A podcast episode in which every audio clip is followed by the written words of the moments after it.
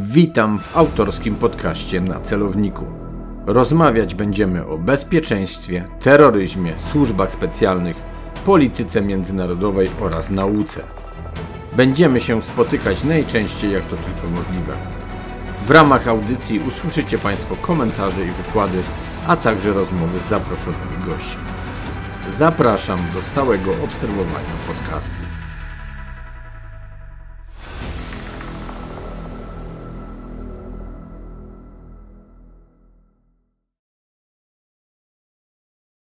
Przy mikrofonie Artur Dubiel, Wyższa Szkoła Bankowa.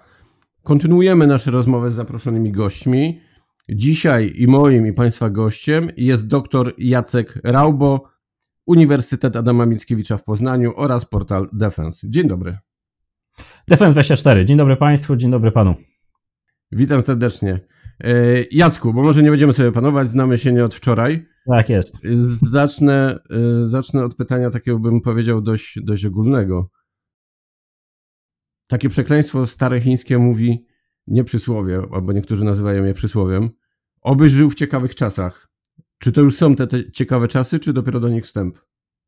Znaczy, w moim odczuciu my już e, żyliśmy i będziemy żyć e, zawsze w ciekawych czasach, tylko się zmienia nasza perspektywa e, patrzenia na świat. Jesteśmy trochę mniej optymistycznie nastawieni, przez to pewne rzeczy łatwiej nam są wychwytywalne w takiej ocenie dnia codziennego, no bo nawet jeżeli spojrzymy na te prosperity lat 90. tak, w Europie, no to cały świat nie wyglądał na podobny do przestrzeni europejskiej. Ba, nawet w Europie mieliśmy przecież wojnę na Bałkanach, która też dzisiaj trochę już jest zapomniana, więc e, no to, co dzisiaj widzimy, to po prostu być może zmiana pewnej percepcji e, społeczeństwa, szerszych grup osób, a nie zmiana jakościowa. No niestety ludzie mają wkomponowane w swoją cywilizację i napięcia, i kryzysy, i rozwój potencjału obronnego, szeroko pojmowanego, oczywiście tak dyplomatycznie to ujmując, więc E, być może dynamika niektórych wydarzeń dzisiaj się zmieniła, ale ja nie byłem i nie jestem zwolennikiem e, oceniania, że mieliśmy jakiś, nie wiem, piękną Belle Epoque, gdzie mogliśmy w, o wszystkim zapomnieć. Po prostu my chcieliśmy zapomnieć w latach 90., bo nam się wydawało, że wszyscy będą e, kształtowali swoje otoczenie tak, jak my to robimy w Europie, poprzez pryzmat, jak ja to mówię, dwóch świętości, czyli integracji i globalizacji. No tak się nie stało. Dzisiaj widzimy mm, pewne odwrotne nawet e, trendy. E, no i do tego trzeba po prostu się przygotować i nie traktować, że mm, apokaliptycznie, że coś się zawaliło, coś się zniszczyło. Nie, po prostu po raz kolejny należy e, odpowiednio posiadać własny potencjał wojskowy, własny potencjał wywiadowczy, własny potencjał dyplomatyczny, co pokazuje obecny kryzys. No i przede wszystkim też edukować społeczeństwo, do, do czego tak naprawdę chyba każdego zachęcam, żeby też samodzielnie edukował się i nie dał się zepchnąć do takiego tylko i wyłącznie emocjonalnego odbierania newsów e, pod kątem no, chociażby tego, co się dzieje dzisiaj. No właśnie, do tego trochę lenistwa odbiorców na pewno jeszcze wrócimy i do paru elementów, które, które wspomniałeś. E, ale chciałbym, e, chciałbym zacząć od tego, powiedziałeś o integracji i globalizacji. Co nam bardziej dało popalić? Czy, czy źle zadaję to pytanie? Znaczy, ja nie uważam, że jedno i drugie było w jakimś stopniu tam negatywnie wartościowane i powinno być negatywnie wartościowane. Wydaje mi się, że to raczej e, połączenie trochę ideologizacji tych dwóch pojęć e, z praktyką e, no, zrobiło najgorszą rzecz, jaka jest możliwa, czyli zepchnęło nas w takie, takie, nie wiem, elementy myślenia, że zaraz będziemy się ścigać tylko i wyłącznie na telefon komórkowy i ilość wyprodukowanych smartfonów, a nie jednocześnie używać tych smartfonów do szpiegowania, czy budować nawet obok czołgi cyfrowo, oczywiście wypełnione różnego typu elementami dowodzenia, kontroli ognia i tak dalej. Ja, jakby to powiedzieć, jestem bardzo pozytywnie nastawiony do kooperacji, na przykład ekonomicznej. Uważam, że wiele państw osiągnęło naprawdę e, znaczne e, tutaj sukcesy w rozwoju społeczeństw, własnych gospodarek, ale też e, nie, dam, nie możemy dać się zwariować. Wydaje mi się, że moment, w którym w Europie nie byliśmy w stanie wyprodukować w trakcie sytuacji kryzysowej, czy też kryzysu pandemicznego zwykłej maseczki i trzeba było liczyć na to, że szlaki żeglugowe i transport lądowy z Azji będą drożne i tam tak naprawdę uda się to wszystko zabezpieczyć pod względem logistycznym, no to już jest absurd, bo z jednej strony oczywiście lenistwo, z drugiej strony lenistwo ekonomiczne, ale gdzieś tam w tle powinno być bezpieczeństwo obywateli, bezpieczeństwo, zrozumienie tego bezpieczeństwa. I to też nie jest zarzut tylko i wyłącznie do Europy, bo wystarczy spojrzeć na Amerykanów. E, niby tak naprawdę państwo państwo które strategicznie traktowało e, Chiny jako punkt odniesienia, jako wyzwanie e, dla własnego bezpieczeństwa. I to nie jest e, tak naprawdę złudzenie, nie wiem, tego widzenia piewotu do Azji Obamy. Zauważmy, że pierwszy wielki kryzys międzynarodowy, z jakim musiał mierzyć się George Walker Bush Jr., no to była sprawa amerykańskiego samolotu zwiadu elektronicznego, który mm, miał kolizję z chińskimi samolotami finalnie wylądował na Hainanie e, i został rozłożony przez Chińczyków i złożony raz jeszcze i oddany Amerykanom dopiero po tym, jak zbadali wszystkie elementy. E, więc e, ci Amerykanie, którzy mieli tą świadomość, nagle się okazuje, że na przykład na rynku dronowym, rynku bezlogowych statków powietrznych, nie mieli nic do zaoferowania innego poza chińskim sprzętem dla swoich na przykład struktur policyjnych, struktur tutaj FBI, tak, agencji i muszą to nadrabiać, bo bazowali na tylko technologiach e, chińskich, albo byli zmuszeni do bazowania na technologiach chińskich, bo na przykład jeden z segmentów e, rynku po prostu odpuścili.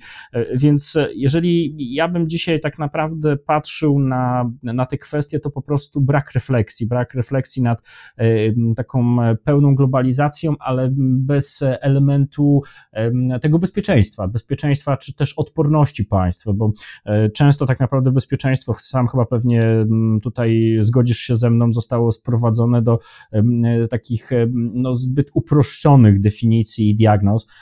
No, chociażby fakt, że my dzisiaj się zastanawiamy, czym jest odporność społeczeństwa w przypadku konfliktu zbrojnego albo e, działań pod progiem wojny. No, niestety, tak naprawdę wiele krzywdy wyrządzono integracji i globalizacji, ideologizacją, ale też prostymi rozwiązaniami ekonomicznymi, które przynosiły zysk, ale nie przynosiły odporności państw. No właśnie, chcemy czy nie, e, ale jednak będziemy musieli w naszej rozmowie e, iść w stronę Chin. E, wspominałeś trochę wcześniej w wypowiedzi o pewnej perspektywie. Ja mam czasem wrażenie, że w Europie, a może i nie tylko, popełniamy trochę błąd, patrząc pod kątem strategicznym oczami Clausewitza. Dla Chin oczywiście jest to przede wszystkim Sun Tzu. I co ciekawe, na Rosję też patrzymy tymi Rosjami, tymi oczami Clausewitza, a wystarczy przecież dzieło sztuki wojny e, wziąć do ręki i przestudiować. Nawet nie mówię, że przeczytać od deski do deski, a przecież nie jest to coś obszernego. I tam ewidentnie widać, że chociażby Rosjanie e, też się, też się na tym opierają. Czy ta nasza perspektywa nie jest dla nas problemem w kształtowaniu całego tego środowiska bezpieczeństwa i czy tak naprawdę potrafimy je kształtować, a nie opieramy się tylko na tym, co się w danej chwili dzieje, nie skupiamy się na teraźniejszości tylko. Znaczy, najłatwiejsze stwierdzenie tutaj mm, w tym drugim członie Twojego pytania, czyli e, czy opieramy się na obecnej chwili i tak naprawdę starajemy się diagnozować obecną chwilę. Tak, ja uważam, że te emocje i, i szybkość e, w naszych diagnozach jest bardzo widoczna. No, prosta rzecz. Dość zabawnie wygląda ta dyskusja o Rosji, gdzie w ogóle nie mamy tła, e, a wystarczy spojrzeć, że Rosjanie już w ostatnich latach, to już nawet nie mówię w ostatnim okresie od nie wiem, 99-2000, tak, ale w ostatnich latach doprowadzili do zestrzelenia samolotu cywilnego nad Europą, e, truli użyciem broni chemicznej na ulicach brytyjskich miast e, tamtejszych obywateli. E, I oczywiście Sergeja Skripala, który przecież no, znajdował się pod ochroną państwa brytyjskiego, no bo przecież Rosjanie go wymienili, tak, więc pewne domówienie tutaj dodatkowej ochrony na pewno było. Więc no, dopiero pewna skala takiej refleksji w szerszej perspektywie czasu, zakresu e, pozwala nam e, dojść lepiej do diagnozy stanu bezpieczeństwa, a przede wszystkim wyboru środków. E, ale z jedną rzeczą się nie zgodzę w, w Twojej wypowiedzi i, i musisz mi wybaczyć, bo to też albo się nie zgodzić ze mną, bo też to często widzę taki sztuczny spór między Sun Tzu a Clausewicem. Mhm. Ja uważam, że ja w ogóle uważam, że powinniśmy i Żominiego i wszystkich tak naprawdę strategów studiować i wyciągać z nich wszelkie możliwe diagnozy, które są potrzebne tu i teraz, bo wydaje mi się, że i fascynacja Sun Tzu i fascynacja Clausewicem często jest taka przeciwstawna sobie tylko I też z perspektywą, tak? W wymiarze dyskusji naszych, mhm. bo lubimy się wspierać, e, czy jesteśmy bardziej za, nie wiem, tą sztuką wojny w wymiarze podprogowym, z użyciem szpiegów, z użyciem e, bitwy toczonej jeszcze przed w ogóle starciem kinetycznym, e, ale z drugiej strony wydaje mi się, że to wszystko się dopełnia, bo zobaczmy, jak Rosjanie robią. Rosjanie dzisiaj naciskają na nas, ja to też pozwoliłem sobie sformułować w takim trochę dłuższym tekście na Defense 24, że Rosjanie naciskają na nas podprogowo i będą naciskać podprogowo. Będą używać najemników, będą używać szpiegów, będą używać e, agentów wpływu, będą używać e, propagandy, presji psychologicznej i tak dalej, ale jednocześnie są w stanie też zgromadzić e, normalnie tak naprawdę czołgi, haubice, samoloty bojowe i zagrozić realnym konfliktem, gdzie w jakimś tam wymiarze no, nie Sun Tzu, tylko właśnie być może Clausewitz się uśmiechnąłby, mówiąc o widzę świat, który ja e, starałem się zdiagnozować w swojej pracy, oczywiście tutaj tak. Ale Jacku, e, wejdę w pół zdania. No jaki byłby sens machania szabelką kiedy konsekwencją nie tego, tego nie byłoby to działanie, którym grozimy, tak? Przecież to w pewien nie, sposób by sobie Ja się z Tobą zgodzę, że dzisiaj e, diagnoza rosyjska e, bardziej bazuje na kwestii zastraszenia, na kwestii osiągnięcia sukcesu przed bitwą i tutaj Sun Tzu kłania się bardziej w pas, ale z drugiej strony no, widzieliśmy też szereg konfliktów, które toczą się na naszych oczach albo toczyły się i zostały zamrożone gdzie rzeczywiście ta twarda siła, e, siła wojskowa na nowo tak naprawdę przywróciła pewną perspektywę debaty o, o użyteczności na przykład jednostek zmechanizowanych, jednostek pancernych. No już nie wracajmy do tej e, do never ending story w zakresie, czy czołg na polu bitwy będzie ważny, czy nie. Mnie bawi to, jak teraz to samo się dzieje po raz kolejny z lotniskowcowymi grupami bojowymi. W latach 70. Amerykanie przecież jeszcze chyba za Jimmy'ego Cartera mieli e, zlikwidować wszystkie lotniskowcowe grupy bojowe, z tych duże, bo okazało się według planistów, że te, okręty nie pasują im do, do koncepcji. No dzisiaj widzimy, że Chińczycy, Hindusi, też państwa takie jak chociażby Włochy, Francja, Wielka Brytania i tak dalej inwestują w, w tego typu okręt ja jestem, może to zabrzmi mm, trochę kontrowersyjnie, ja jestem za tym, żebyśmy e, naprawdę mm, bardzo szeroko studiowali e, i Sun Tzu i Clausewitza, nie stawiali ich przeciwko sobie, tak samo jak trochę widzę stawianie przeciwko sobie różnych e, koncepcji, przykład użycia broni pancernej, nie wiem, chociażby kto jest lepszy, kto lepszą książkę napisał, Guderian czy, czy Patton, tak, kto był lepszym dowódcą. No, ja uważam, że powinniśmy na wszystko patrzeć, dlatego dlatego że mm, i tutaj pewnie mm, no, będzie znowu jakiś e, problem definicyjny, e, dlatego że pojęcie hybrydyzacji, ja wiem, że to już jest e, straszliwie wyświechtane, ale hybrydyzacji działań właśnie, czy to na płaszczyźnie strategicznej, czy operacyjnej, zmusza nas do tego i, ja to tak widzę. Może bym się mylę. Zanim przejdę do następnego pytania, które, które chciałem Ci zadać, a wynikające też z Twojej wypowiedzi, E, to jednak odniosę się do tej słynnej hybrydy. Mm, mam wrażenie, może to jest wina też trochę polityków, ale te słowa są przez nich w pewien sposób rozmywane. Hybryda, wojna, a walka, fake news, tak, był bardzo swego czasu tak. popularny i kilka takich jeszcze sformułowań można by znaleźć. Czy to nie jest w pewien sposób trochę sukces e, rosyjskiego działania, e, aby dyskurs publiczny, polityczny, a czasem i naukowy właśnie doprowadzić do takiego stanu, aby nie było tej precyzji wypowiedzi, która jest tak naprawdę podstawą w ogóle prowadzenia nauki. Ale ja się zgodzę z Tobą w 100%. Zobaczmy, co się działo na polskich granicach, co się dzieje na polskich granicach. E, przed 2021 e, chyba nie było osoby, która by no, nie odmieniała zagrożenia hybrydowe, presja migracyjna, nie wiem, broń demograficzna, jak to e, Witold Repetowicz tak. tutaj promuje w swoich diagnozach. Wszyscy mówili o, o hybrydyzacji, o zagrożeniach hybrydowych. Nagle dzieje się tak naprawdę coś, co byśmy mm, powiedzieli jest idealnym wręcz dopełnieniem definicyjnym w, rzeczywistości na naszej granicy. E, I zobacz, jaka jest panika w pojęciach. Wojna hybrydowa, wypowiedziano wojnę, konflikt hybrydowy, e, jakiś tak naprawdę, no tutaj się pojawiają wręcz diagnozy od jednej ściany do drugiej. No i niestety mamy problem moim zdaniem nie w środowisku, bo w środowisku sobie dyskutujemy, widzimy na przykład różnicę między sytuacją kryzysową i kryzysem, ale rzeczywiście w przestrzeni debaty społeczno-politycznej czy społeczno-polityczno-medialnej ta tymczasowość diagnoz powoduje, że bardzo łatwo wprowadzić zamieszanie pojęciowe i potem oczywiście na tym budować emocje.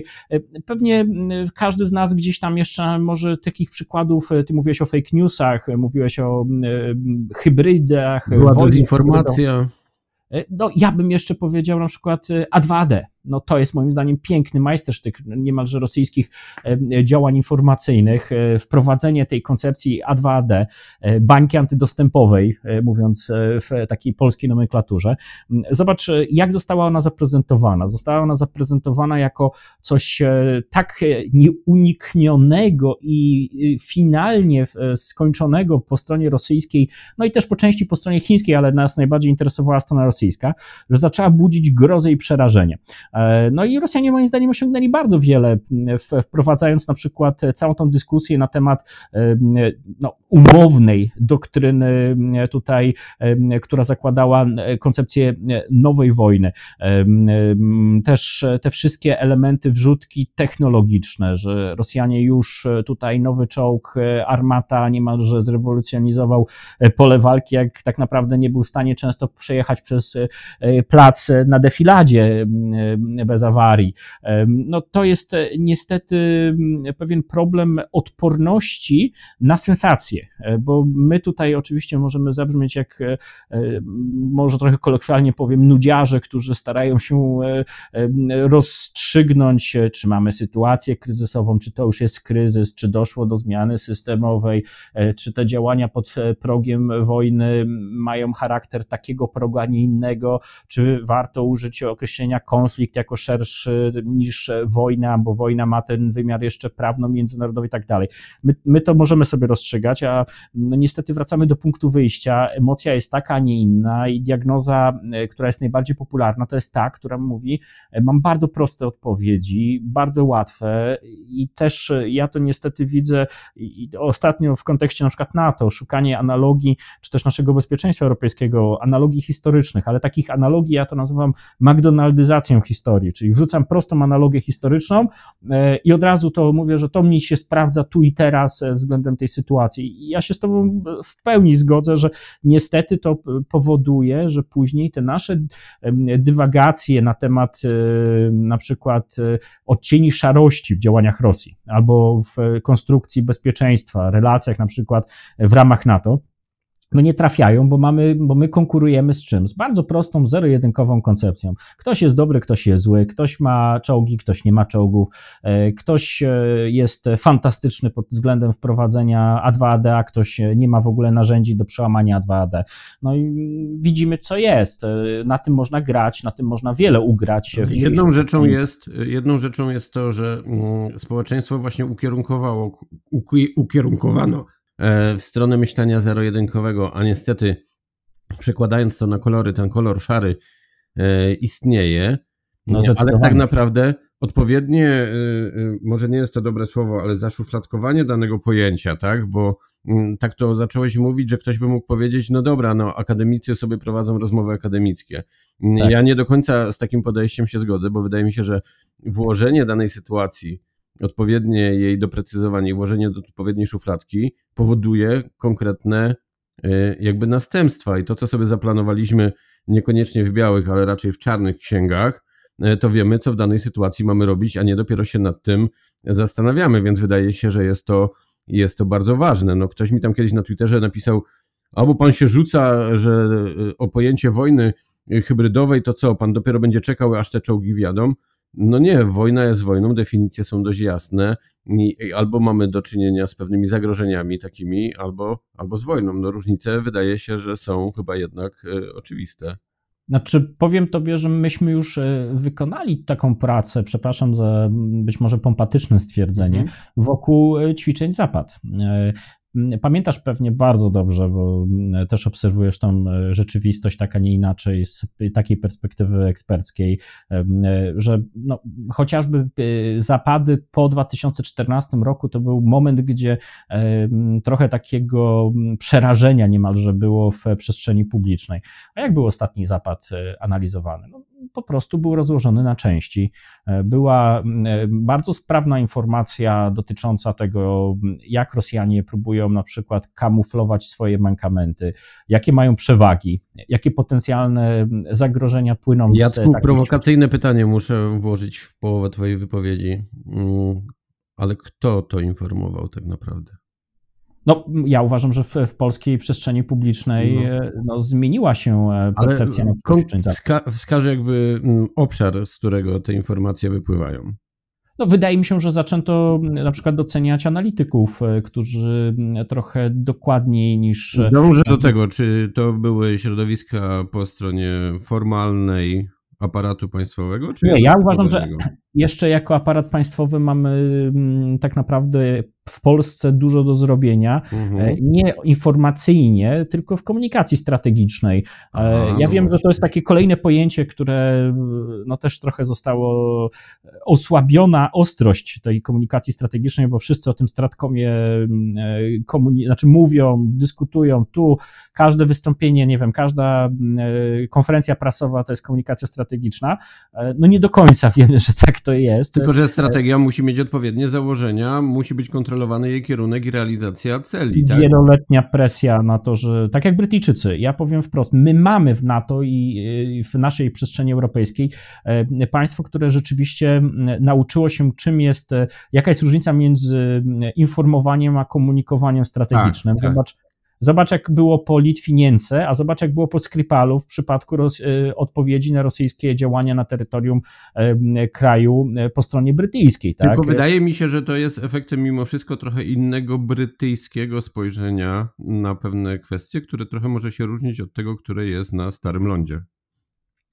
No, ja bym powiedział, że naszą współpracę w kontekście rosyjskich wyzwań w sferze bezpieczeństwa możemy zbliżyć właśnie do brytyjskiej, dlatego że no, Brytyjczycy też patrzą z no, dość sporym, e, sporą ostrożnością na to, co teraz robi Rosja i ja się nawet pokusiłem o to po Skripalu, e, można sprawdzić, bo jest to tak naprawdę dostępne, że e, odpowiedź brytyjska na sprawę Skripala będzie rozpisana na wiele aktów i na wiele lat. I moim zdaniem to, że dzisiaj na przykład Brytyjczycy takie decyzje, a nie inne podejmują, jeśli chodzi na przykład o szybkość dyslokacji własnych jednostek w tutaj na flankę wschodnią, e, kwestia na przykład tego mostu powietrznego do Ukrainy i tak dalej, to ja bym nie do końca wiązał to z taką emocją tu i teraz, bo wiele takich... Nie, nie, nie, poszedłbym i powiedziałbym, że mm, oni poszli trochę krok dalej,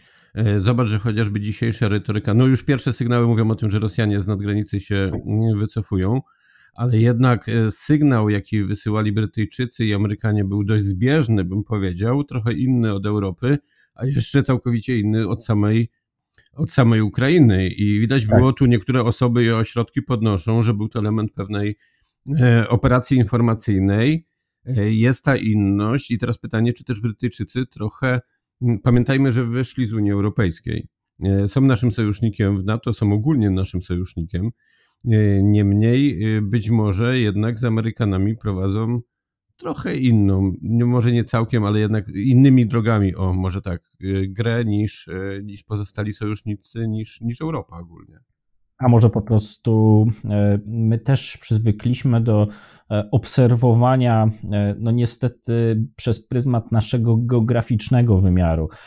Czyli jeżeli Brytyjczycy i Amerykanie grają tutaj albo grają na tym kierunku, to zauważ, że no, mówiąc wprost, na przykład Francuzi e, dość mocniej e, akcentują rosyjską aktywność e, w Afryce, a to, że my na Afrykę patrzymy Bo jak tam na... mają swoje interesy, tak? No jasne, ale to też, jak, ja jestem zwolennikiem 360 stopni, powiem to wprost, dlatego, że dzisiaj na przykład nasza relacja z Francuzami może polegać na wspólnym zrozumieniu kooperacji wobec rosyjskiej ekspansji, ale zrozumieniu tego, że my tu mamy swoje interesy i widzimy, jak Rosjanie je naruszają, tak? No bo e, osłabianie na przykład ekonomiczne naszego partnera, jakim jest Ukraina, no to jest, będzie się odbijało, czy może się odbić na naszym bezpieczeństwie, to nie tylko wojskowym. E, I tak samo e, w rozmowach z Francuzami wobec ich osłabiania interesów w Afryce przez Rosję za pomocą umownych Wagnerowców, ale nie tylko, no bo to jest przecież wywiad wojskowy, to jest też sprzedaż broni, uzbrojenia i tak dalej, czy wywiad cywilny, no to powiem wprost, myśmy odwykli trochę od, moim zdaniem, tego 360-stopniowego e, sposobu patrzenia e, i teraz dobrze, że się też uczymy trochę dyplomacji e, na nowo. Czym jest dyplomacja? Bo dyplomacja nie jest osiągnięciem zero-jedynkowym. Nagle wszyscy patrzą na nas, na flankę wschodnią, rozumieją i najlepiej, żebyśmy mieli tu cztery dywizje złożone z wszystkich państw natowskich, które bronią, nie wiem, Suwałki Gap, tak, przesmyku suwalskiego. No, no nie do końca, tak. To, że wiele takich drobnych kroków zostało podjętych e, przez państwa natowskie, państwa unijne w wymiarze nawet ucierania się e, różnych sprzecznych koncepcji. Ja uważam, że to jest bardzo dobre, bo uczy nas zrozumienia, e, czym jest ten XXI wiek. Ja to, ja to trochę uznaję, że to jest trochę spóźniona nauka Indo-Pacyfiku, bo my na ten Indo-Pacyfik tak trochę też mitycznie patrzymy, o, tam się coś dzieje, tam, tam daleko. Ale zauważmy, że na Indo-Pacyfiku, w rejonie tego umownego, chociażby tutaj obszaru aktywności amerykańskiej i chińskiej, też ucierają się różne koncepcje polityka Filipin, e, polityka, e, nie wiem, relacji między Południową Koreą. Jacku, ale czy nie mieliśmy prawa tak naprawdę tego widzieć? No chyba już będzie z dekadę albo prawie dekadę temu, jak był w Polsce admirał McRaven, tak? Mhm. E, pamiętam jego wykład i dyskusję z nim i on już wtedy wskazywał, słuchajcie, Polacy, Europejczycy, wy się zajmijcie tą Europą, bo my swój, za przeproszeniem, mandżur zwijamy i idziemy tam. Ale I czy przez tą dekadę tak naprawdę pod tym kątem myśmy Ale ja wszyscy mówię, zrobili w ogóle? Znaczy, ja uważam, że Europa się trochę obudziła po 2014 roku. Mhm. Ja nie jestem aż tak pesymistycznie nastawiony jak wielu, którzy twierdzą, że nie wiem, jesteśmy nieprzygotowani, jesteśmy w jakimś tam stopniu znowu zależni od Stanów Zjednoczonych. No nie do końca. E, ja uważam, że myśmy wiele rzeczy przespali i tu się zgodzę z tobą, e, ale też e, nie jestem zwolennikiem. Ja nie zawsze wygłaszam opinię, czasem prowokuję do wypowiedzi. Ale dobrze, ja, ja, ja, ale ja już wygłaszam swoją opinię tutaj bardzo subiektywną. I powiem tobie, że też nie jestem zdania, że mm, ta koncepcja amerykańskiego wycofania się na Pacyfik, Indo-Pacyfik ma podstawy nawet takie pragmatyczne. Ja jasne, wiem, że, jasne, oczywiście. Wiesz co, ja powiem, powiem być może rzecz bardzo niekomfortową politycznie. Ja uważam, że Indo-Pacyfik puka do nas, a my tak naprawdę nie słyszymy, że to Indo-Pacyfik puka. Dlatego, że raz, fakt, iż nagle zablokowanie na przykład tras żeglugowych z Indo-Pacyfiku spowoduje, że w naszych galeriach handlowych albo w sklepach internetowych zacznie brakować jakichś tam dóbr, czy kwestia na przykład przestrzeni technologicznej, gdzie ścierają się firmy XYZ z Chin, z firmami XYZ ze Stanów Zjednoczonych i to się dzieje w Europie, no pokazuje, że Amerykanie widzą, e, iż e, nie da się dzisiaj, nie wiem, popuścić flanki wschodniej, bo to jest tylko i wyłącznie domena starcia z Rosją. Nie, no Rosja jest junior partnerem już dzisiaj w relacji z Chinami i Chiny tutaj mają swoje interesy. Zauważ jeden na przykład bardzo ciekawy wątek. Amerykańskie działania na Ukrainie, e, działania w Ukrainie w kontekście Motor Siczy, czyli tak naprawdę jednego z producentów, e, ważnych producentów napędów, a przede wszystkim posiadacza know-how, jeśli chodzi o silniki. E, tam wokół tego zaczęli się kręcić Chińczycy. E, I w gruncie rzeczy Amerykanie nie mogą sobie odpuścić, jak ja to słyszę, takie proste, prosta rzecz. No to teraz Amerykanie, nie wiem, rewidują pozycję Europy, wycofują wszystkich i gdzie? Przerzucą ich do Japonii? Okej, okay, no to wojskowo przerzucą, ale za wojskiem idą interesy polityczne, interesy technologiczne. Wszelkie tak naprawdę. Wszystko. Więc baza amerykańska, załóżmy, w państwie takim, jak są, jakim jest Republika Federalna Niemiec czy Królestwo Niderlandów, to jest też możliwość oddziaływania na szereg innych wątków. To, że dzisiaj na przykład znowu standardem staje się jeden samolot piątej generacji w naszym regionie, e, to jest ważny sukces, bo mm, e, Amerykanów, wynikający z tego, że oni nie mogą sobie odpuścić tego rynku, no bo gdzie te samoloty piątej generacji potencjalnie mają eksportować? Tylko do Indo-Pacyfiku, tak? No, no nie do końca. To jest tak samo, jak słyszałem takie rzeczy w, w, debatach o Bliskim Wschodzie. O, Stany Zjednoczone teraz się wycofają z Bliskiego Wschodu, no ale nadal na przykład teraz w, bodajże chyba do 17 czy 18 lutego, nie chciałbym skłamać, trwają wielkie manewry marynarek wojennych e, z użyciem nawet e, bezzałogowych e, systemów, największe ćwiczenia bezzałogowych systemów morskich na świecie, właśnie na Bliskim Wschodzie, właśnie w rejonie Zatoki, ale nie tylko Zatoki, bo tak naprawdę tych akwenów, które są w regionie innych. I tam są Amerykanie, no więc bez przesady, jak Stany Zjednoczone są państwem globalnym, no to sobie nie będą odpuszczały regionów, mogą sobie odpuścić, nie wiem, jakieś państwo, no nawet nie wiem teraz gdzie, bo nawet kwestia chociażby e, rywalizacji w e, Afryce, bo moglibyśmy powiedzieć, że Afrykę mogą odpuścić. No nie mogą odpuścić, no bo nagle się okazuje, że wbijają się tam dość mocno interesy chińskie i obok siebie bazy, na przykład w Djibouti, e, no to widzimy, jak to wygląda, tak? No to jest dość kuriozalny przykład, że jedna baza stoi obok drugiej. Amerykanie dzisiaj być może sądują, nie wiem, nowe możliwości w Somalilandzie, żeby się odciążyć, żeby nie być podatnym na obserwację chińską swoich ale to jest, to jest trochę takie znowu, ja to nazywam McDonaldyzacja pojęć. E, Amerykanie oczywiście wysyłają sygnały, że oni tutaj muszą się zaangażować mniej, ale wydaje mi się, że to są sygnały na zasadzie takiej e, motywacji. No, ludzie weźcie się, ogarnijcie. Jeżeli nie macie e, chęci inwestowania w siły zbrojne, no to nie liczcie na to, że ktoś będzie was bronił w momencie kryzysu, ale z drugiej strony w tle ta osoba, która jest silna, czy to państwo, które jest silne, no będzie zdawało sobie z tego sprawę, że ma przewagę dzięki temu, że nadal jest e, i może bronić e, kogoś, kto może kupić na przykład wyposażenie wojskowe, tak? albo inne dobra, na przykład gaz. No, wydaje mi się, że to też jest świetny przykład, e, jak działania rosyjskie zepchnęły myślenie o Stanach, znaczy wepchnęły, przepraszam, myślenie o Stanach Zjednoczonych jako importerze, przepraszam, eksporterze gazu do Europy. Tak? Europa się staje ważnym importerem tego gazu. No, to jest, czy technologii atomowych i tak dalej. To jest wszystko moim zdaniem tak powiązane, że im prostsza, im prostsza dyskusja, takie, ja to nazywam w domu siedzę, mam mapę świata i pionki sobie przesuwam e, i jestem wielkim e, strategiem w wymiarze globalnym. Wydaje mi się, że o wiele większe, e, większy poziom skomplikowania jest rzeczywiście w administracji. No, zdecydowanie to całokształt jakby działalności różnych państw w to wchodzi, tylko też nowoczesnym mm, jakby y, działaniem. To Wydaje mi się, że w większości świata nie opłaca się kogoś podbijać czy najeżdżać. Lepiej go uzależnić w jakikolwiek sposób, tak? Czy to będzie gaz, czy to będzie dostawa jeansów, transport, cokolwiek. No w ten sposób za, zarabiam tak naprawdę na kimś. W pewien sposób są inną, ale jednak nowoczesną formą niewolnictwa, tak? I, i, i pieniążek, mówiąc kolokwialnie, chyba, chyba się zgadza. Jacku, chciałbym jeszcze wrócić do jednego elementu, o którym też wspominałeś. Ja to nazywałem też w swoich tekstach rosyjskimi rajdami po Europie. Mm, wspominałeś o morderstwach, nie wspomniałeś o wybuchach. Tam też dość ciekawa sytuacja. W Czechach teraz nagle raporty giną, tak?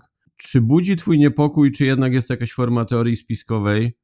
No bo znowu niestety mamy, mamy sytuację taką, że u nas w kraju następują wypadki w zakładach produku produkujących e, materiały wybuchowe, tak? E, płonęły u nas mosty, nie, przestają działać różne bloki energetyczne. Mamy przypadki różne z Bełchatowem i z paroma innymi miejscami. Zbieg okoliczności, sabotaż, dywersja, czy może niechlujstwo jednak? A czy można wykluczyć wszystkie te czynniki? Moim zdaniem nie.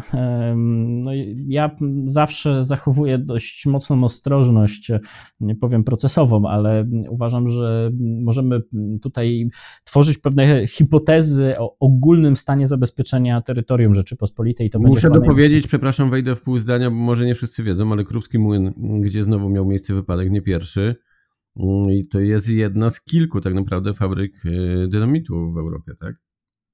no, jakiekolwiek obiekty, które mają charakter, no, nazwijmy to wojskowy, czy mogą wspierać system obrony nie tylko Polski, ale również naszych partnerów, na przykładzie Czech, e, no muszą e, zakładać możliwość, czy Ukrainy, muszą zakładać możliwość wystąpienia dywersji, moim zdaniem, i sabotażu.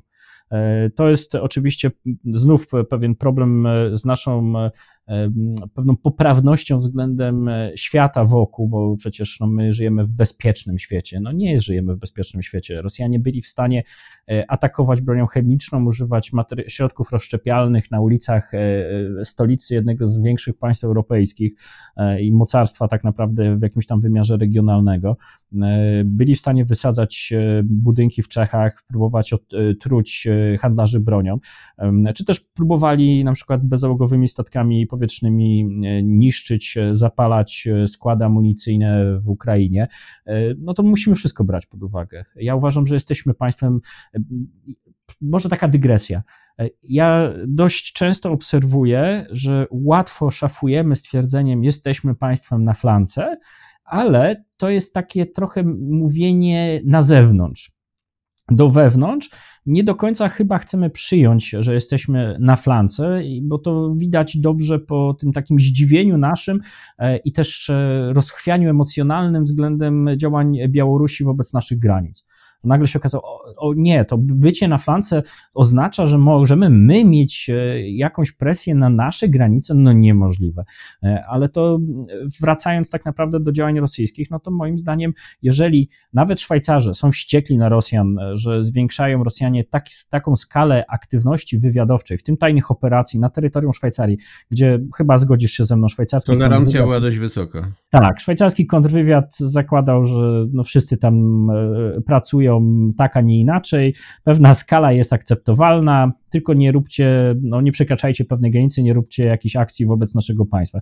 Jeżeli swego czasu nawet chyba Szwajcarzy wprost powiedzieli, no to już jest trochę przesa przesadzili Rosjanie, no to możemy sobie to przełożyć na wymiar e, Polski, gdzie e, aktywność e, musi być, tak, no bo mamy tutaj obecność amerykańską, obecność natowską, jesteśmy państwem w Unii Europejskiej, państwem w NATO, jesteśmy takiej, a nie innej wielkości, E, mamy takie, a nie inne kwestie energetyczne, planujemy takie, a nie inne inwestycje, na przykład drogowe, no to tylko chyba osoba naprawdę odrealniona by powiedziała, no nie, przecież to wszystkich dotyczy, a nie nas, tak? No, więc a idąc ja... w stronę służb specjalnych, tak naprawdę wszyscy sobie zdają dobrze sprawę, yy, z jakich państw, mówiąc w dużym skrócie myślowym, ludzie u nas mogą być i cokolwiek, delikatnie mówiąc, działać?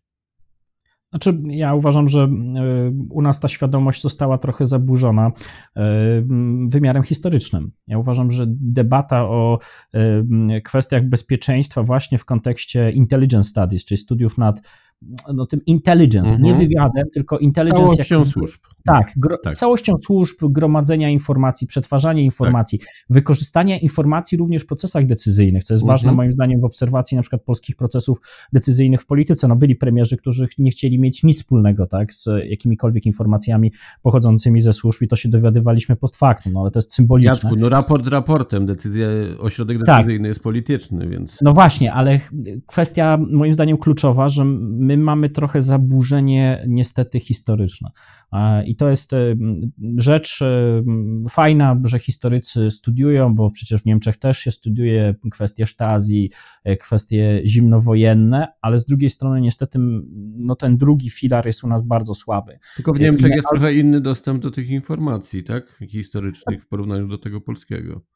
No, ale ja nie chcę wchodzić w mhm. buty historyków, tak? Ja, okay. ja się cieszę, że w Polsce ta debata historyczna na temat aktywności służb specjalnych, czy to w drugiej RP, czy w PRL-u, e, no jest, tak? No nie ma co ukrywać, możemy sobie całą, całe książki, półki książkami wypełnić, jeżeli e, szukamy tak naprawdę różnych perspektyw, to to dzisiaj jest. Ale niestety z praktyki takiej XXI wieku, no to ta dyskusja została w ogóle wyrugowana, bo jest albo emocjonalna, albo albo odnosi się do złego zrozumienia koncepcji intelligence, bo mhm. często to się zrównuje do podejść policyjnych, tak, tak. i dyskusji o służbach policyjnych, law enforcement, a nie o kwestiach typowo wywiadowczo-kontrwywiadowczych.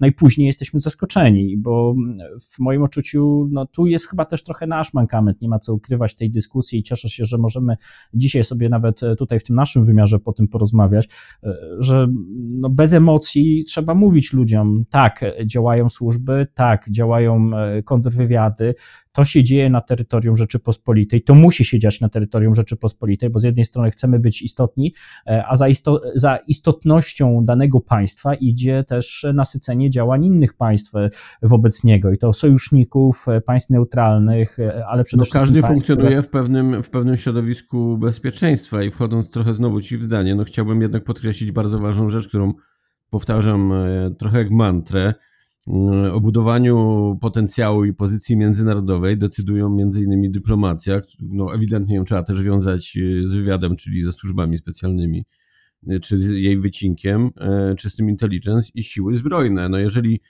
te dwa elementy z trzech, które w tym wszystkim tak naprawdę funkcjonują, będą odpowiednio, znowu kolokwialnie mówiąc, hulać, to, to będzie tylko dobrze. Tylko tu mam takie pytanie, czy Kolejnym mankamentem jest to, że ten, ten przysłowiowy foresight u nas niestety kuleje. Nie ma właściwego prognozowania. To, co dzisiaj rozmawialiśmy, żyjemy tu i teraz w teraźniejszości. Przecież to, co już powiedziałem, już jest przeszłością tak naprawdę, tak?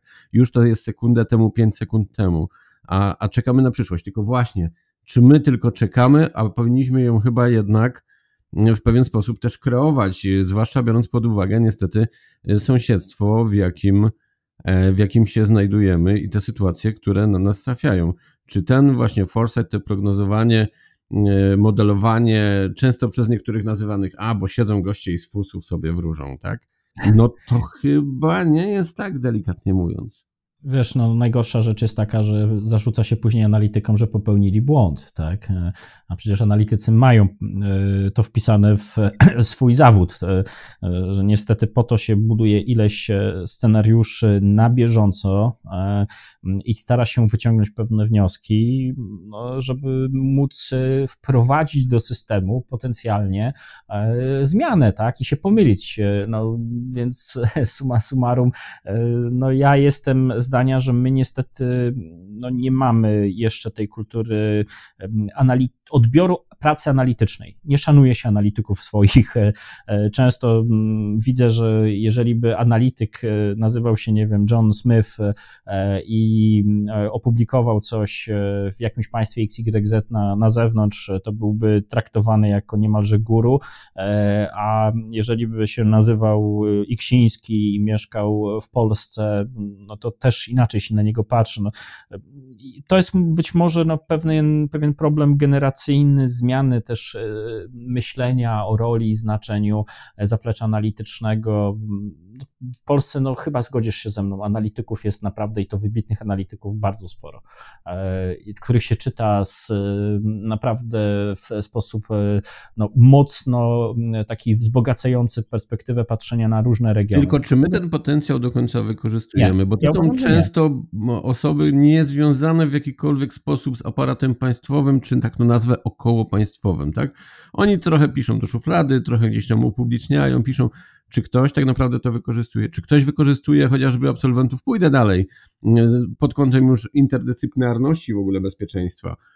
Czy ktoś wy wykorzystuje absolwentów chociażby filologii białoruskiej? Idealnie by się teraz przydali. Ukraińskiej, przecież to są nasi, że tak powiem, stali sąsiedzi.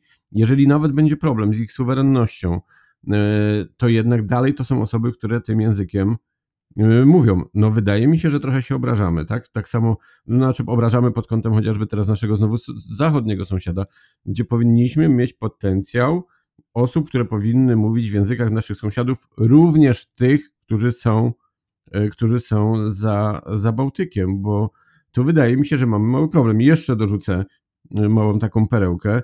Jesteś politologiem, również jestem politologiem. Obracamy się w tym interdyscyplinarnym bezpieczeństwie, ale ja mam wrażenie, że u nas w kraju niestety ta politologia jako, a właściwie nauki o polityce schodzą na drugi plan. E, tych studiów jest coraz mniej I chyba cały czas gdzieś ta politologia była rozpatrywana przez pryzmat politologa, który staje przed kamerą i komentuje wypowiedź jednego czy drugiego polityka.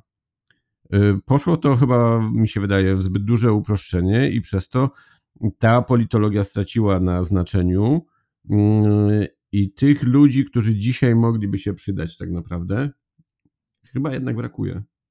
No, postawiłeś mnie w dość kontrowersyjnej sytuacji. Powiem tak delikatnie, nie będę się odnosił do e, kwestii no, tutaj nauk politycznych i podejścia tak naprawdę w Polsce do nauk politycznych ja się cieszę, że skończyłem taki, a nie inny kierunek e, i, i naprawdę uważam, że to było, był cenna, cenna perspektywa, choć też na swojej drodze spotykałem się z głosami, tutaj powiem tak e, w sposób może wymijający, które na przykład krytykowały zwiększenie mojego nasycenia, jeśli chodzi o problemy bezpieczeństwa w naukach politycznych. Mówiono mhm. mi, że powinienem się, jak chcę się rozwijać, zająć bardziej rzeczami nowoczesnymi, czyli jakąś integracją europejską, mhm.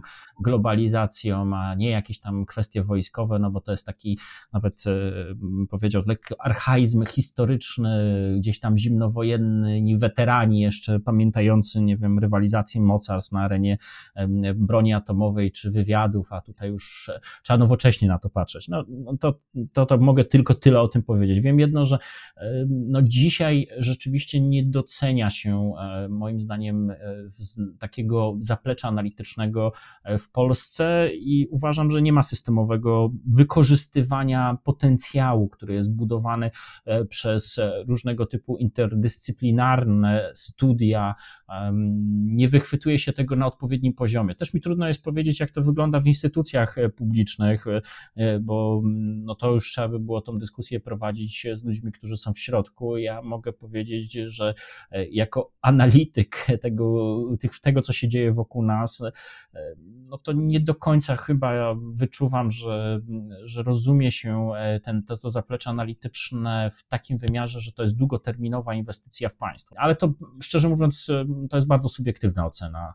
Co do mówię, poziomu i podejścia do nauk politycznych i specyfiki tak naprawdę ich definiowania, ja nie będę się wypowiadał. E, ostrożność tutaj moja. Znaczy nie, chodziło mi bardziej, wiesz, o to, aby jednak wskazać, że one też są mocno interdyscyplinarne, jak to nasze bezpieczeństwo. Ale to jest moim zdaniem zaleta. E, to jest Zdecydowana zaleta. zaleta, która jest całkowicie niedoceniana i być może przez lata trochę bardziej się w niektórych ośrodkach, bez wskazywania kompletnie których, być może wskazy, e, skupiano się tylko i wyłącznie na tej suchej teorii, a nie pewnego rodzaju praktyki zastosowania, i wskazywania, ale, że politolog to jest tylko komentator sceny politycznej, tutaj wewnętrznej. Ale ja, ja mogę powiedzieć po swoim przykładzie. Ja się cieszę, że skończyłem nauki polityczne, cieszę, że nauki w, w liczbie mnogiej, mhm. E, bo uważam, że e, dzisiaj e, dzięki temu, że w ramach mojego kierunku studiów miałem i podstawy ekonomii, podstawy socjologii, psychologię społeczną tak. i kwestie nawet jakichś tam przedmiotów naprawdę związanych, wydawałoby się się zupełnie czymś diametralnie innym niż tym, czym się zajmuję teraz, a więc bezpieczeństwem, obronnością, e, to mi rozszerza perspektywę patrzenia. Ja uważam, że świetnie, że się pojawiają takie interdyscyplinarne studia, tylko w moim odczuciu nie do końca my jako państwo, my jako system e, też edukacyjno-państwowy wykorzystujemy e, interdyscyplinarność i rozumiemy interdyscyplinarność. To jest no, kwestia intelligence, tak? Ten, Ale to słowa. może też jest kwestia tego, że jednak państwo powinno finansować takie studia i nieważne, czy na uczelni prywatnej, czy E, czy państwowej, ale powinny powstawać takie kierunki, ponieważ mówię o interdyscyplinarnych już typowo studiach, mhm. Mm, ponieważ byłyby to one mocno, no musiały być drogie tak naprawdę. Bo po pierwsze małe grupy albo wręcz takie indywidualne, mm, gdzie stosunek prowadzący a student jest zdecydowanie odwrócony i nieraz jest więcej prowadzących niż samych y, studentów, a nawet jest on sam. Mm, no przez to to rosną koszty, ale w ten sposób kształtujemy sobie bardzo, bardzo kompetentne kadry, y, które, które potem, no znowu brzydko mówiąc, możemy, możemy wykorzystać, bo, bo wydaje mi się, że czegoś takiego i takiego podejścia niestety brakuje, co ma wpływ ewidentny jakby nie patrzeć potem na nasze bezpieczeństwo, bo to bezpieczeństwo zawsze zaczynamy przecież od bezpieczeństwa jednostki. No wiesz, no, problem e, na przykład takich scholarshipów, które powinny być moim zdaniem bardzo szerokie, e, jeśli chodzi o e, wojsko, jeśli chodzi o służby, jeśli chodzi o instytucje państwowe, tak aby na przykład już na etapie finansowania studiów mieć tego rodzaju możliwość później wkomponowania danej osoby, którą tak. wykształcę, którą e, wyślę na ileś tam e, e, nawet przysłowiowych wyjazdów zagranicznych i ja już wiem, że ten zasób za 4, 5 lat, nie wiem, 6 albo 9 to będzie zasób państwa na kolejne 5, 10 lat, tak? Przynajmniej na taki kontrakt bo nie mówię tutaj, że do końca życia ktoś ma być przywiązany do jednej. jednej Ale musimy założyć, że pewien procent tych osób na pewno nam, brzydko mówiąc, odpadnie, nawet jak te studia skończy, ale jednak no, ale, ale wiesz, amerykańska armia dość e, mocno na przykład e, akcentuje, tylko że to jest też inny system e, opłat za studia, być może tutaj gdzieś leży pewien, pewien wątek, ale zauważ, że Amerykanie są w stanie takie osoby no, wychwycić dla swoich sił zbrojnych, tak? Mhm. Okej, okay, Jacku, taki podpunkt naszej rozmowy. Punkt zwrotny. Najpewniej nas czeka i nieważne, czy ci Rosjanie się faktycznie już teraz wycofują, czy robią jakiś manewr taktyczny, nie ma to w tej chwili żadnego znaczenia. Czeka nas pewien punkt zwrotny w formie pewnego przesilenia i to nie ulega żadnej dyskusji. I teraz pytanie, czy mamy czekać, jak to niestety czynimy od długiego czasu, i nie mówię o, o bieżącej chwili tylko, na to, co zrobi druga strona, czytaj de facto Rosja, i gdzieś tam z tyłu też pewnie Chiny, czy jednak powinniśmy dążyć do tego, e, aby przyspieszyć ten moment, kiedy ten punkt zwrotny, e, to przesilenie nastąpi i narzucić jednak pewne swoje warunki e, dalszego funkcjonowania na tej planecie. No bo jakby nie patrzeć, no my tylko pewne rzeczy staramy się przesuwać w czasie. Te wszystkie zamrożone konflikty, które sprowokowała Rosja, blokując pewną integrację państw, to, co się dzieje na Ukrainie, przecież to trwa prawie dekadę, tak? Ósmy rok będzie się zamykał. Mm, to, co się dzieje w różnych miejscach na świecie, no przecież to tylko i wyłącznie służy odsuwaniu w czasie pewnych rzeczy. Tylko czy właśnie znowu reakcyjnym działaniem, a nie kreacyjnym, nie robimy sobie kuku? Wydaje mi się, że w jakimś tam stopniu my jesteśmy reakcyjni, ale to się zmienia. Ja uważam, że to w znacznym stopniu też się przeobraziło w ostatnim czasie. No ale wyobrażasz sobie, że ten e, zachód, ten obszar euro, transatlantycki faktycznie będzie w stanie e, temu Putynowi coś narzucić? Wydaje mi się, że jest taka możliwość. E, może jestem zbyt dużym optymistą, mm -hmm. ale E, jeśli zrozumiemy kilka takich podstawowych zasad. Ja, ja już nawet na Defense 24 napisałem, zacznijmy się cenić, mhm. bo odstraszanie i obrona zaczyna się w momencie, w którym my doświadczamy oczywiście jakiegoś czynnika, który powoduje, że się mobilizujemy, że potrzebujemy na przykład kolektywnej obrony. W 1949 roku, jak powstawało NATO, też tak. państwa europejskie widziały taki czynnik negatywny który mógł wpływać na ich e, poczucie bezpieczeństwa i poziom bezpieczeństwa, jakim była nie tak naprawdę rozproszona siła militarna Sowietów. Tak? Dzisiaj widzimy podobną rzecz po 2014 roku, ale ten etap później, e, kilka tak naprawdę lat później, musimy zacząć doświadczać, że no, mamy tak wypracowane zupełnie nowe modele działania i to Polska świetnie widzi. Ja uważam, że my za mało o tym mówimy.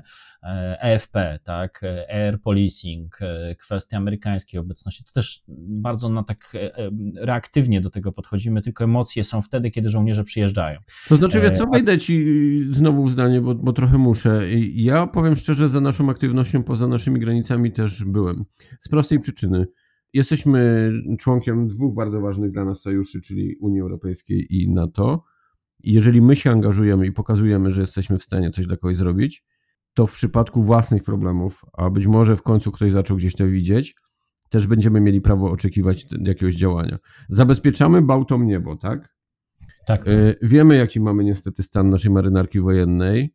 Oj, wiemy, wiemy, no, to za dobrze. I teraz można by się zastanawiać, czy też nie powinniśmy podnieść rączki jak w szkole i powiedzieć: yy, Słuchajcie, mamy problem. My tam pomagamy na niebie, ale my potrzebujemy pomocy na wodzie, a i pod wodą. Znaczy, w ogóle powinniśmy zrozumieć na nowo obronę kolektywną. Mhm. Że mm, nie, niestety bardzo popularne i modne się stały takie e, kwestie e, budowania wizji samodzielności strategicznej, niemalże posiadania już broni atomowej.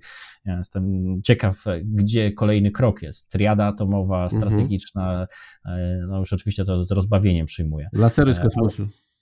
Słucham? Lasery z kosmosu. No, różne rzeczy się mogą pojawić. No, każdy ma prawo tworzyć pewne perspektywy swojej analizy, ale uważam, że e, przywróćmy podstawową rzecz bardzo pragmatyczną. Obrona kolektywna, czyli to jest moment, w którym e, agregujemy siłę, czyli gromadzimy. No, efekt synergii, tak naprawdę, tak? Tak, uzupełniajmy się i nie bójmy się powiedzieć, że musimy się uzupełniać. Nie bójmy się powiedzieć, że na przykład, nie wiem, nawet już NATO, odłóżmy te NATO, bo NATO jest teraz e, na świeczniku, ale zobaczmy PESCO. Tak? E, jak, e, jak czasami narracje wokół PESCO są prowadzone, a to bo ktoś chce zdominować. Nie, no może powiedzmy sobie szczerze, że po to europejskie państwa kooperują w ramach PESCO, że no nie, wszystko, na nie wszystko nas stać, na nie wszystko możemy sobie pozwolić w ramach badań i rozwoju.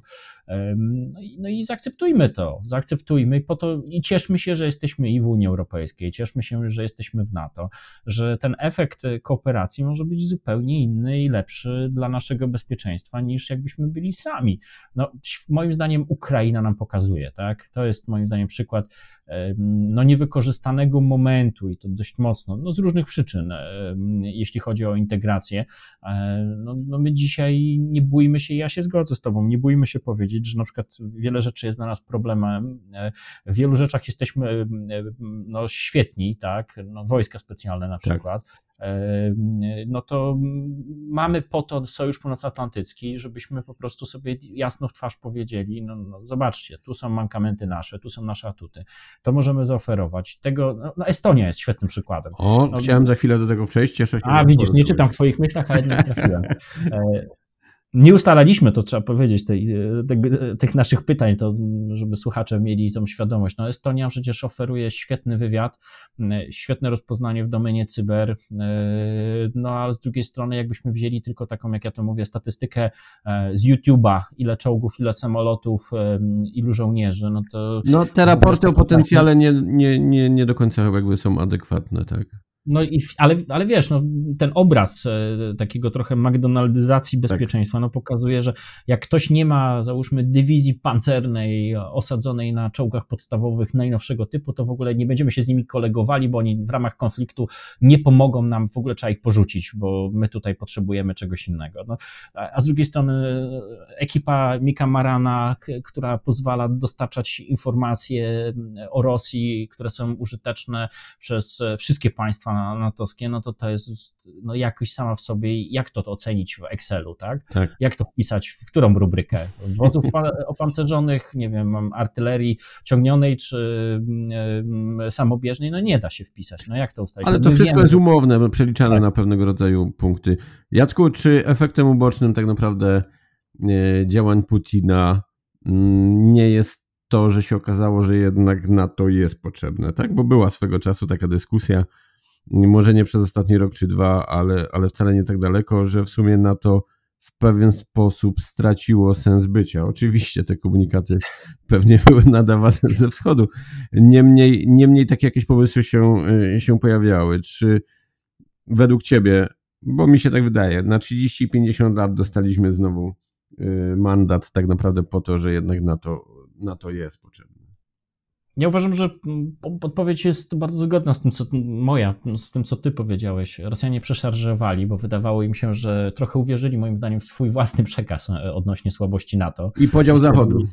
Tak, i stwierdzili, a to teraz już tak dociśniemy e, NATO i Zachód, e, że to się wszystko rozpadnie, bo możemy sobie pozwolić na wiele. No nie, nie okazało się, że 2014, kolejne tak naprawdę działania, 2021 i 2022, no sprowadziły Sojusz Północnoatlantycki na drogę e, odnowienia pewnej refleksji na temat różnych potencjałów, nie tylko dyskusji politycznej, nie tylko pewnych walorów, nazwijmy to dyplomatycznych, dyplomatyczno-politycznych, ale walorów również typowego odstraszania obrony, parasola atomowego, NATO nuclear sharing, zakupów uzbrojenia, standaryzacji, systemów przerzutu wojska.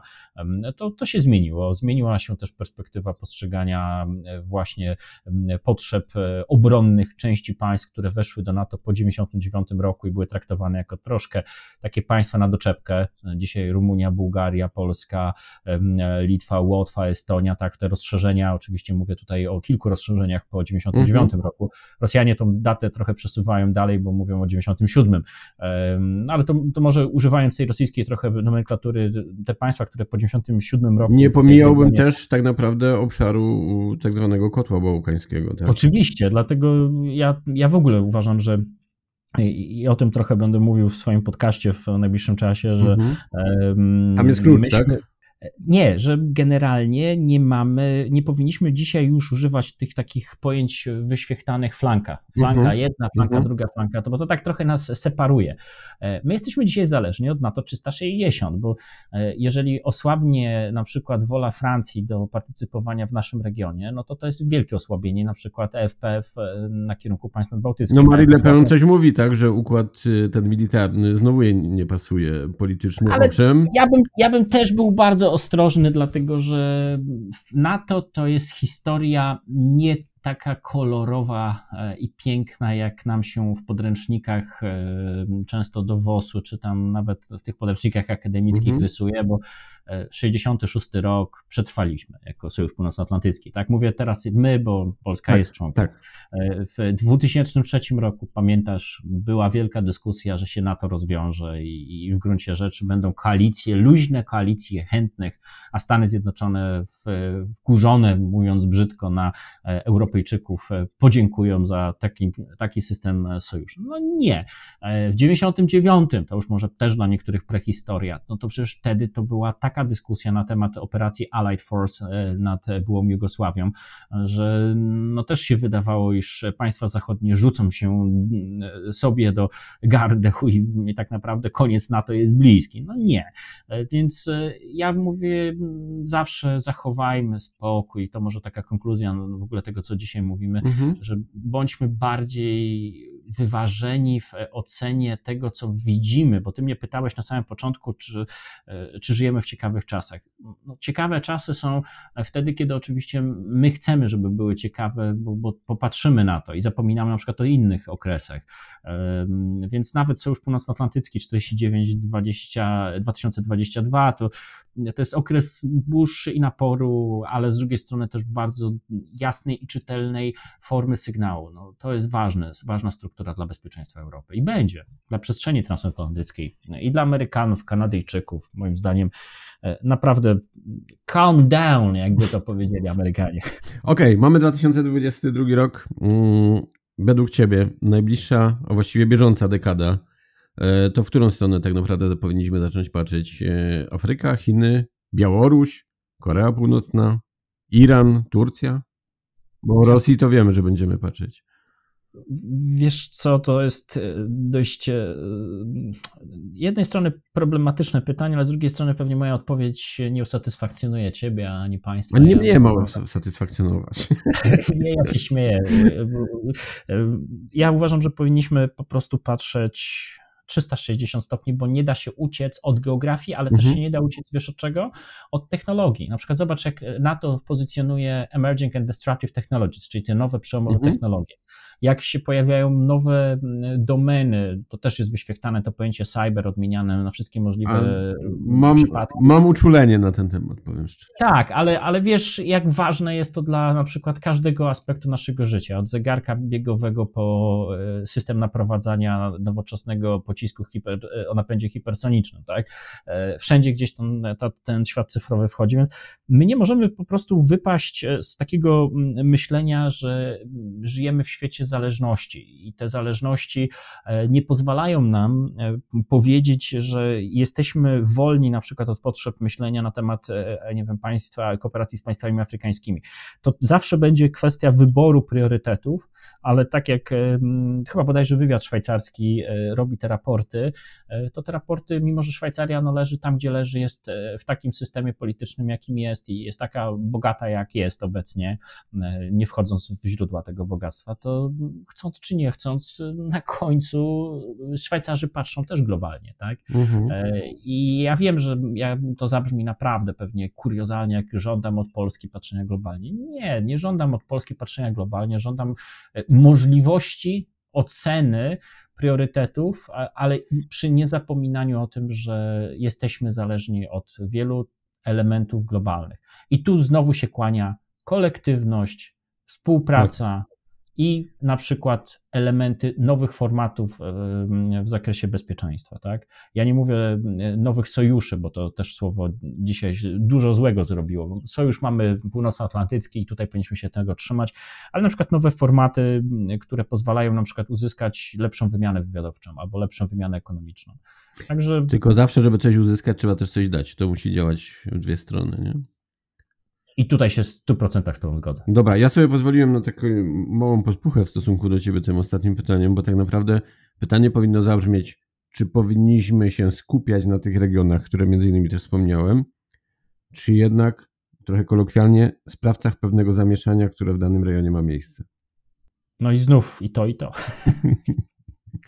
No bo jakby nie patrzeć chociażby ta wspomniana Afryka, tak? To, co sam wspomniałeś i z czego bardzo się cieszę, kwestia Francuzów, którzy gdzieś tam zaczynają trochę, e, no patrzą, patrzą i trochę są zdziwieni, tak? Chińczycy opletli już tą Afrykę i idą coraz dalej.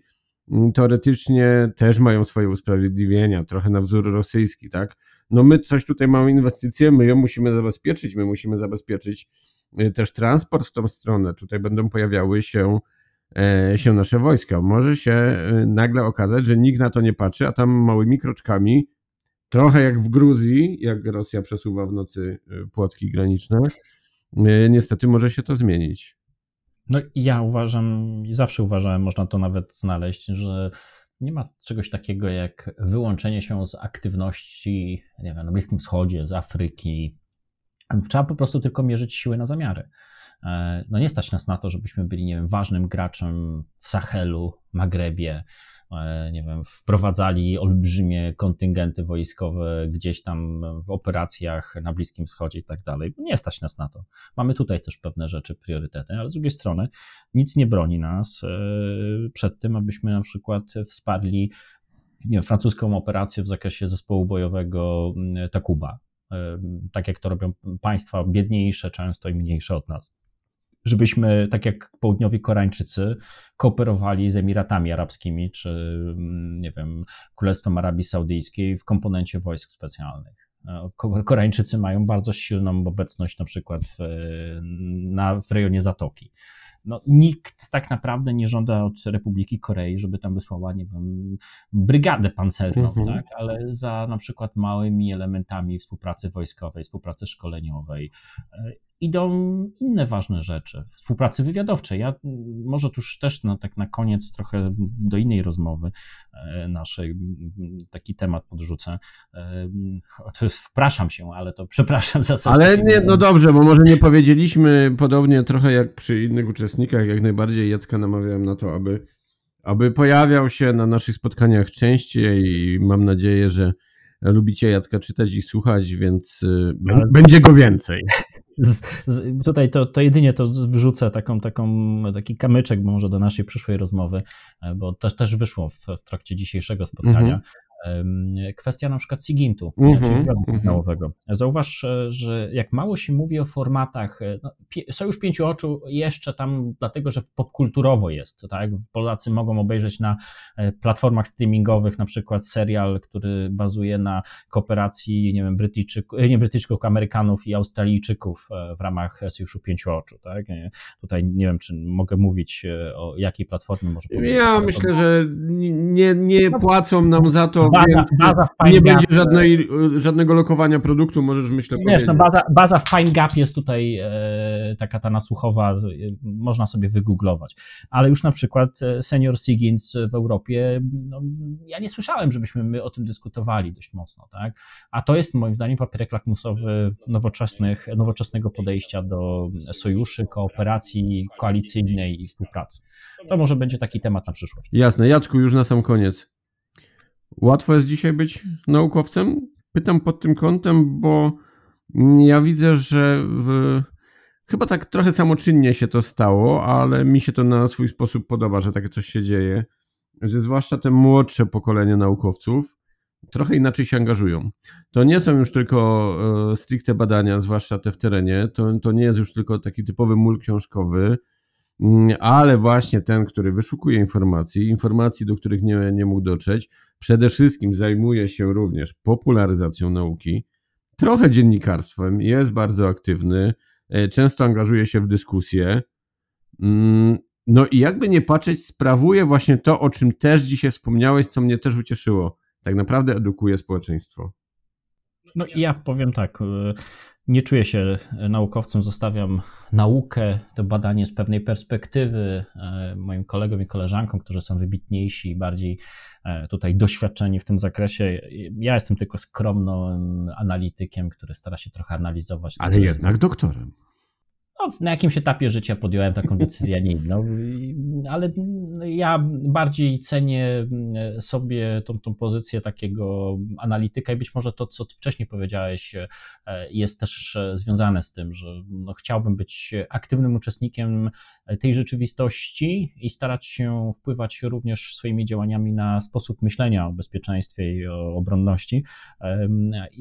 I wiem, że nie mam czasami takiego komfortu, że mogę sobie nie wiem, za rok czy za dwa spojrzeć z pewnej perspektywy, zrobić e, refleksyjnie 30 tysięcy przypisów do innych, e, żeby móc się asekurować. E, No, tak jak Państwo wiedzą, e, a Ty pewnie też widziałeś, e, ja nie boję się powiedzieć, co ja myślę i, to chyba też mnie, e, mnie, trochę mnie to spycha właśnie na tą rolę bardziej analityczną, co było mi zarzucane.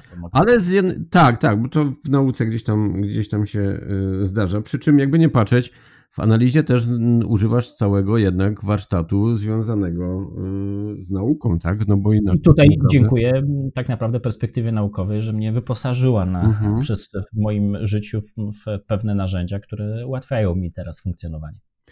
Doktor Jacek Graubo dzisiaj był na naszym celowniku. Bardzo serdecznie dziękujemy. I Ja tak jak dziękuję. powiedzieliśmy, czekamy oczywiście na kolejną wizytę. Z miłą chęcią. Serdecznie dziękuję. Do usłyszenia. Kieruj się w stronę podcastu na celowniku.